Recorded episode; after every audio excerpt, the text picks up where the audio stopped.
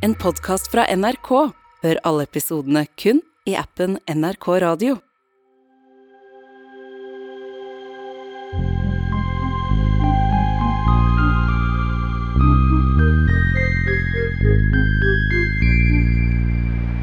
Det finnes en tjeneste som jobber for at folk som er i konflikt, skal møtes ansikt til ansikt for å prate ut og gi slipp på det vanskelige. Metoden til konfliktrådet høres kanskje enkel ut. Men det krever mot å trosse frykten for å møte et menneske man tidligere har tenkt at man ikke vil se igjen. For ti år sia kjørte Richard inn i Renate og påførte henne store skader. De har plaga meg, og det Ja. Det, det her er en sånn situasjon som jeg eh, skulle ønske liksom ikke hadde hendt, da. Nå har han spurt Konfliktrådet om hjelp til å komme i kontakt med Renate for å si unnskyld. Noe som skal vise seg å ikke bli fullt så enkelt som Richard først trodde. Nei. Nei, nei, nei. For det jeg husker fra Rikard, det er fra rettssaken. Og der var han bare iskald.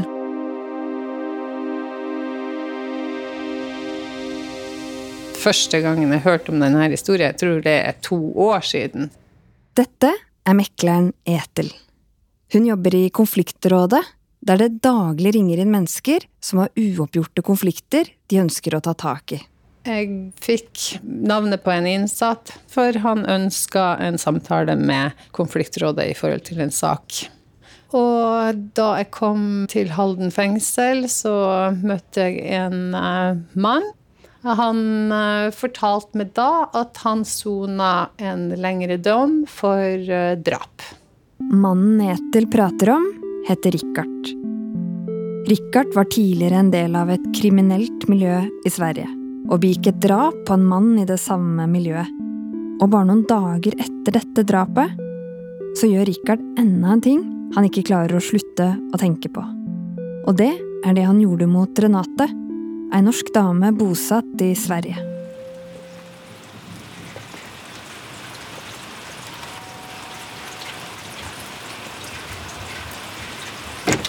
Hei, hei. På en gårdsplass med røde og gule rekkehus i Mora i Sverige bor Renate sammen med samboeren Nikke og datteren Stephanie. Det står eh, mer eh, fika i kjøkkenet. Så ta litt fika om de vil. På veggene i stua henger innrammede familiebilder og motiverende ord. Samboeren Nikke setter seg i en lenestol, mens Renate setter seg i sofaen ved siden av han. Hun trekker bena opp i sofaen, folder hendene hardt sammen og kikker nervøst bort på Nikke før hun begynner å fortelle om den dagen da livet deres fikk seg en ordentlig smell. Det var skjærtorsdag. Vi skulle opp til hytta i Idre. Vi skulle kjøre to biler opp. Nikke kjører av gårde med to år gamle Stephanie i baksetet, og Renate kjører like bak i den andre bilen. En liten Clio. Veien de kjører på, slynger seg gjennom dalernes tette skog. Fremfor seg, i motsatt kjørefelt, legger Renate merke til en bil, en blå Skoda, som hun syns det er noe merkelig ved. Det var litt rart lys. Så så jeg at at han kommer imot meg. At Ja, jeg ser at han er på vei til å kjøre på meg, da. Faen, faen, faen. Samboeren Nikke titter i bakspeilet. Og ser Hun bare tar rett inn i, i Renate, da. Hennes bil den bare flyger rett opp i luften og gjør volter. Bilen til Renate roterer rundt og rundt i lufta. Renate stivner til, og tankene begynner å spinne. Det ble jo tanker i slow motion. Altså, for jeg begynte å tenke på familien. Klarer en ikke å ta hånd om Stephanie, liksom? Bilen til Renate treffer bakken med et brak, før den ruller rundt enda en runde og deiser ned på hjulene.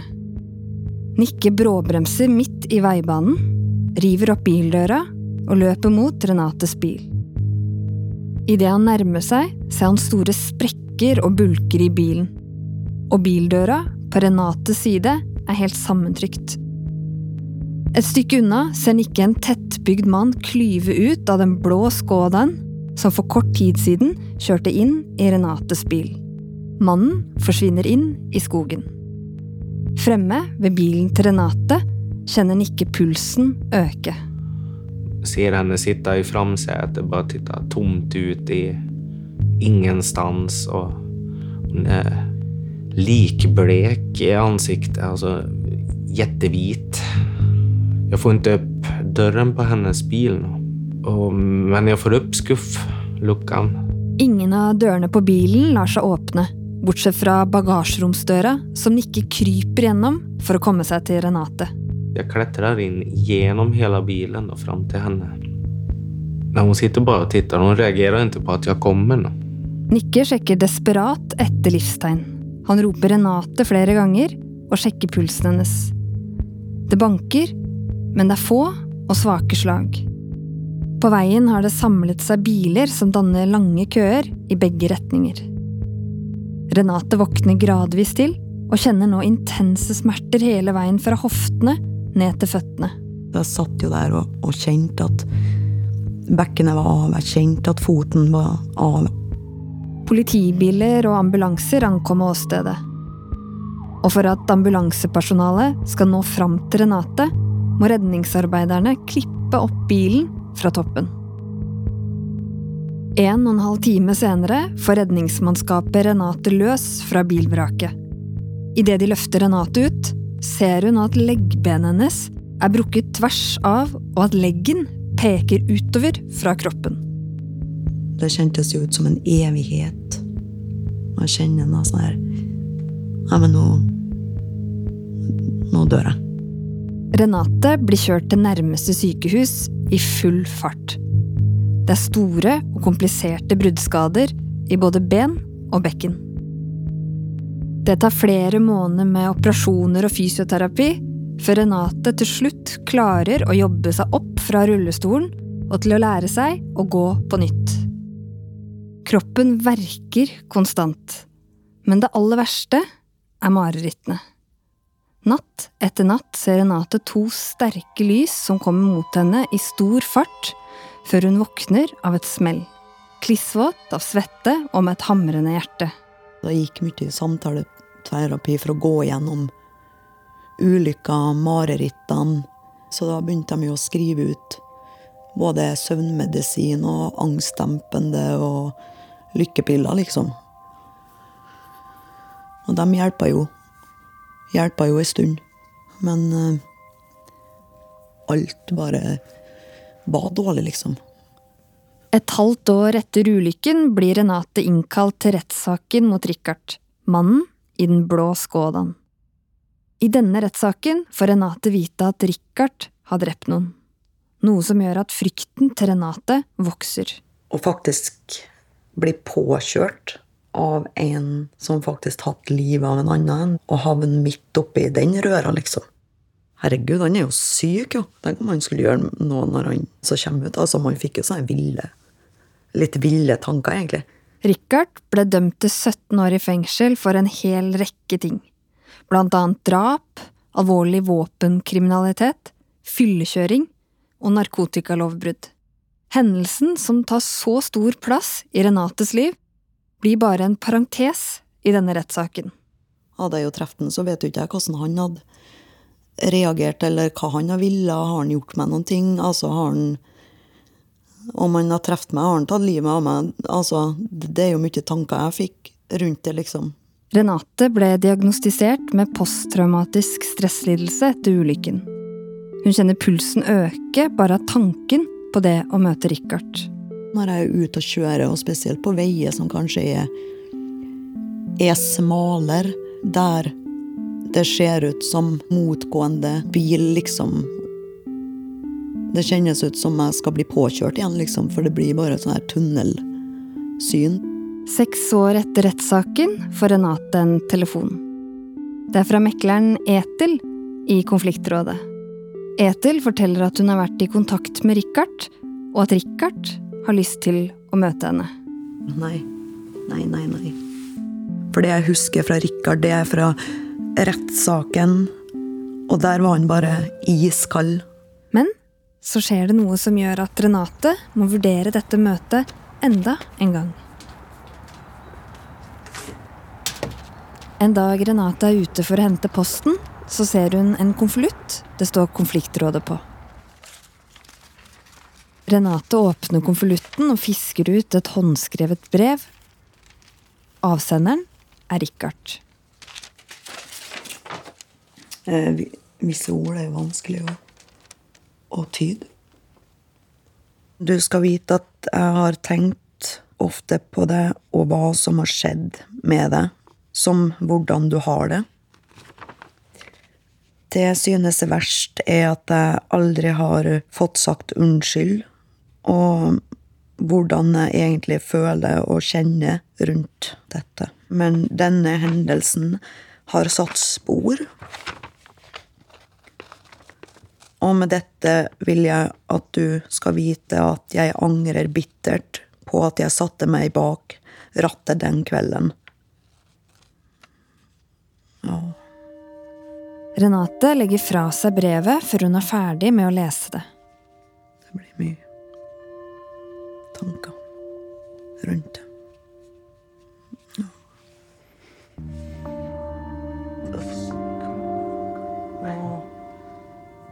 Tanker om mannen bak rattet i den blå Skodaen dukker opp i tide og utide. Hvor farlig er han egentlig? Han som har drept et menneske på brutalt vis. Hva er det han kan finne på å gjøre mot henne? Nei, det har vært mye tanker på om det er bra å gjøre det, om det ikke er bra å gjøre det. Mye på grunn av hva som skjer om jeg treffer han. Samboeren Nikke er ikke så begeistra for dette møtet som har blitt foreslått. Jeg tror nå at det kan vekke känslor. Eh, Det er vel det man er litt orolig for. Just å møte et, en forøver liksom som har påvirka livet så stort som han har gjort. Så, så kan det nå bli jobbigt, tror jeg. Ganske ofta så kommer det ju på tanken liksom, och det är ju dagen när, Renate har lite sämre. Så tänker man ju på vad en person har ställt till med. Man blir jo förbannad.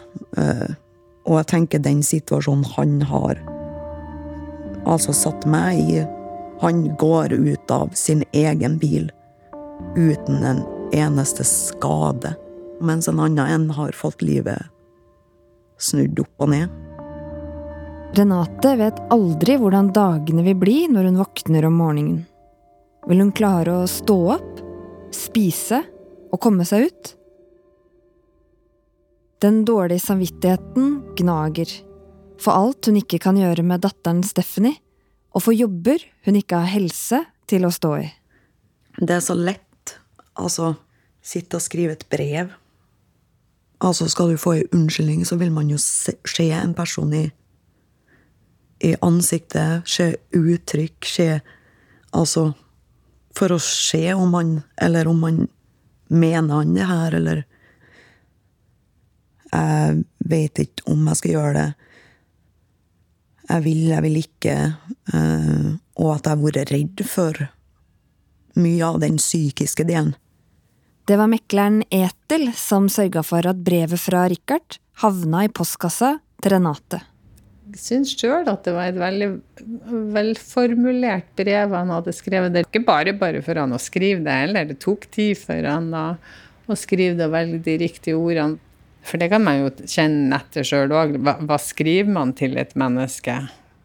Etter Renate fikk brevet fra Richard, meldte hun til Etel at hun trengte tid til å tenke seg om. Det er liksom ikke helt ferdig før det er det ekte mennesket. At det er liksom det der ansikt-til-ansikt-møtet, og at han liksom ser kan se henne i øynene, og hun ser han i øynene. Det er ett år siden brevet havna i postkassa til Renate. Og i dag tikka det inn en melding på telefonen til Etil. Det er Renate som sier at hun har bestemt seg. Nå skal jeg jo ringe til Renate, da. Det, det gleder jeg meg til. Så det blir spennende. Skal vi se Sånn. Det ringer i hvert fall. Etel ser konsentrert ut der hun venter på svar. Hei, Renate. Det er Etel. Hun spør Renate hva hun har bestemt seg for. Det var lite så der opp og ned, men jeg er sådär, eh, jag tror nog att jag, jag har bestämt mig för Ja. att jag, jag vill åka. Åh, det er veldig, veldig, veldig bra. Så bra! Veldig bra. Da, da Vet du hva? Eh, Da kommer vi til å møtes. Det var kult. Ja, det var kult. Jeg tror nesten at det er bedre i stedet for, som sagt brevet jeg fikk. Mm. Så er det nesten bedre for meg å treffe honom Ja. Egentlig. ja. Men da, da, da høres vi igjen, da. Det gjør vi. Det gjør vi. Ha det. Bra. Hei da. Jeg, jeg er veldig fornøyd. Jeg tror absolutt at det her er bra.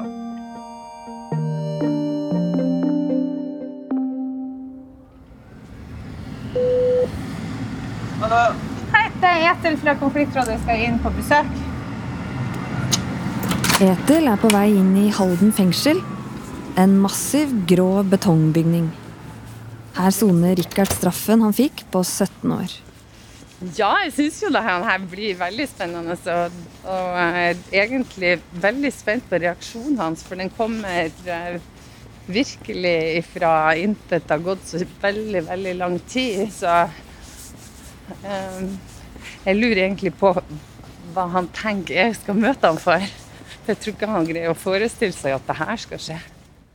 Etel forteller at Rikard allerede har innfunnet seg med at det ikke blir noe møte mellom han og Renate. Det eh, blir litt spennende å se hvordan han reagerer. Vi sluses inn gjennom flere sikkerhetssjekker og kommer til et lite rom. Beskjedent innreda, med en vask, to stoler og en sort skinnsofa. Takk skal du ha. Vi sitter og venter på Rikard i lang tid.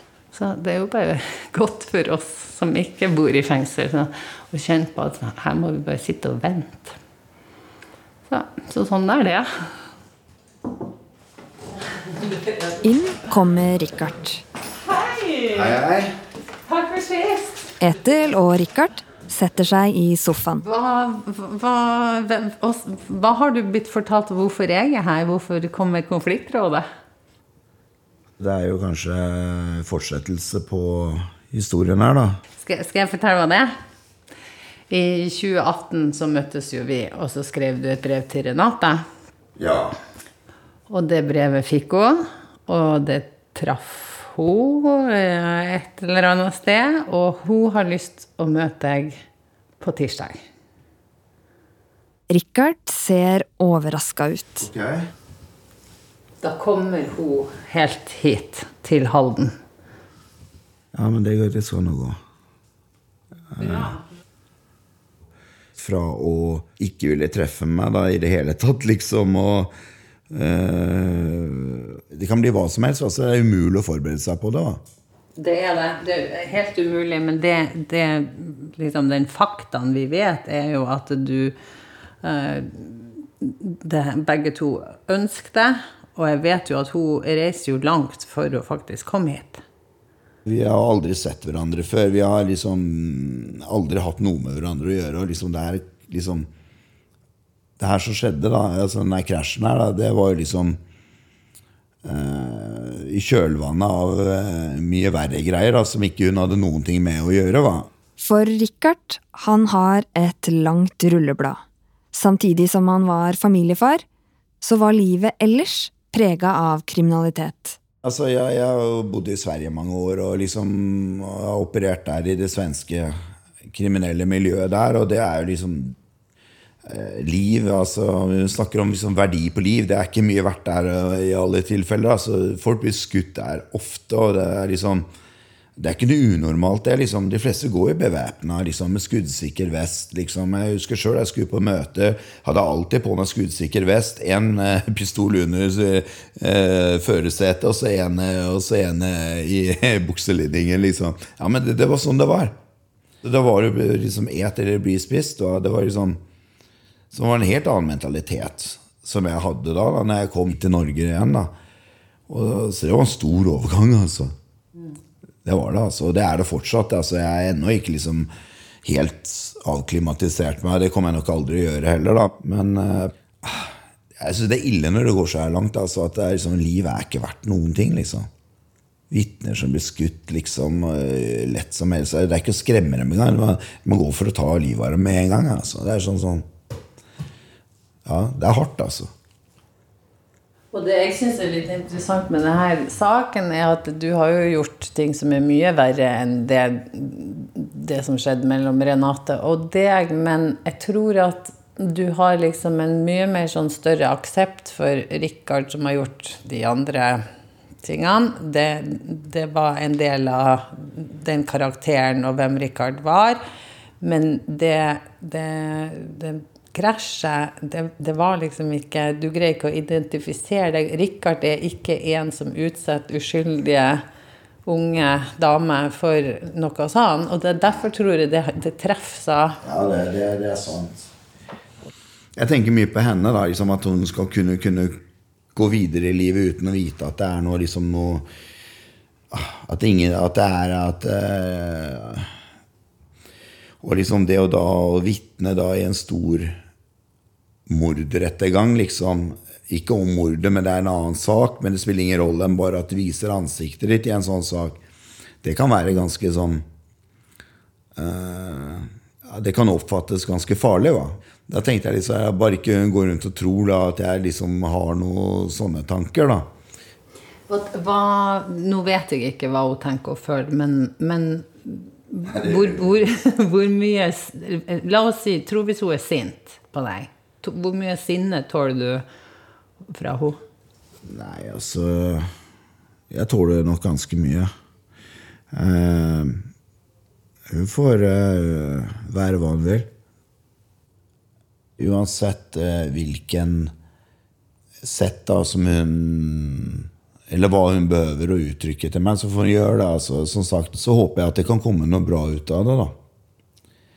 Ikke sant? Tør du å være sårbar, da? Tør du å være sårbar? Ja, men sårbar, det er jo Det, det tør jeg jo. Men, eh, men, eh, i fengsel så er ikke sårbarhet noe, noe bra, altså. Det er ikke det, altså. Hvorfor det?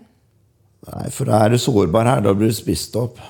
Ja, det tror jeg går. Det tror jeg går. Og det er derfor man det er derfor man ikke kan være det beste av seg sjøl i et fengsel. Fordi Nei. at det beste av seg sjøl er også noen som kan være sårbar. Jeg tror meg oppfatter meg litt sånn der bullete og liksom, litt, ja, litt skummel. Da, for at han er liksom sånn uh, man, man, holder seg nesten litt unna da, for at man er litt redd for, å, for hva som kan skje. da mm.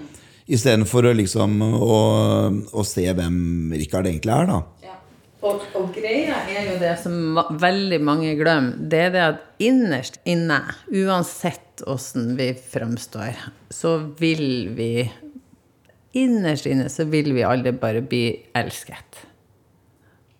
Vi vil det. Og så er vi tøffe utenpå. Ja. Øh, jeg er en skyldig, da. Ja. Og, hun er, og, hun er, den som er, er liksom har blitt utsatt da, for det her. Og det, liksom, det, er jo klart at det blir da en, en, en styrkeforskjell i, i, et sånt møte. Da. Eh, det gjør jo det. Og, og, da kan man jo si så der at da Da blir det å vise seg sårbar i en sånn situasjon, da, for det er jo nødt til å gjøre.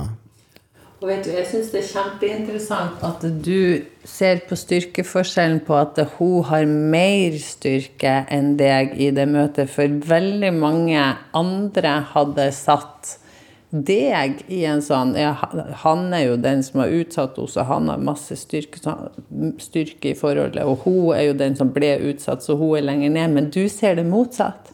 Ja, men det er jo på grunn av det at uh, jeg bærer på skammen.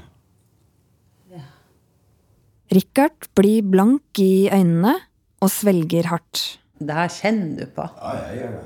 Og, det er, eh, og, og så er det jo. Hva må til for at du skal slippe den følelsen, den skamfølelsen? Gi slipp på den? Jeg vet ikke, altså. Men kan, om hun bestemmer seg liksom for, for, for eksempel da, til å, å liksom Å tilgi meg, da. Som jeg håper på at hun gjør da, for sin egen del. Eh, og kan, kunne liksom gå videre, videre i livet, da. Da har man jo liksom da vinner, altså, da vinner vi jo begge på det, da. Om du skjønner hva jeg mener? Og når man har gjort noe feil mot noen, da, så er det jo ofte, så er det ofte tilgivelse. Da, som er sann tilgivelse, som, som uh, tar bort skam. Da. Det er nesten et tiår liksom, siden incidentene hendte.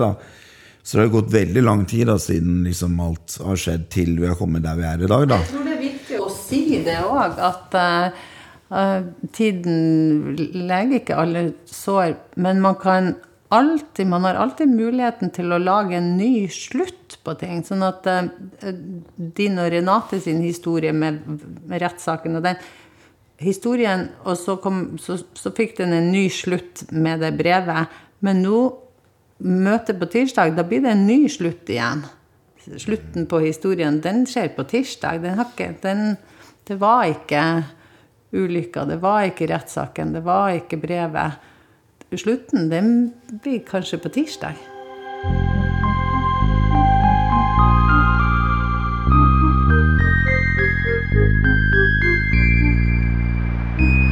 Åssen er det med deg? Ja, vondt i magen. Du har det, ja. ja. Åssen er du inni hendene? Jo da. Klem? Kald. Kald, ja. Gud, jeg må ta meg jakka Snart skal Renate møte mannen som hun har tenkt på hver dag siden bilulykken for nesten ti år siden. Vil dette møtet vekke til live gamle traumer hos Renate? Og klarer Richard å vise seg sårbar? Denne podkasten er laga av Ambrit Pedersen og meg, Sunniva Sundby. Therese Aune har laga musikken. Kristi Jonsson og Lillian Grønning står for lyddesign. Konsulent Kjetil Saugestad. Prosjektleder Halvor Nytteberg. Redaktør Veslemøy Hvitsten.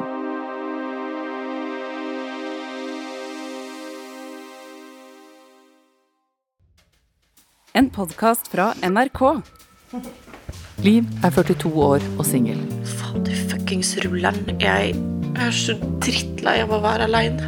Hun har alltid ønsket seg å bli mamma. For, for, meg er det på en måte egentlig ikke noe alternativ. Hun har det travelt. Fortalte mamma. Jeg vurderer å få barn alene.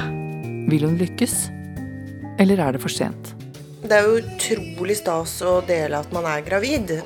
Men hvis det da skulle gå gærent, liksom Livs siste sjanse hører du først i appen NRK Radio.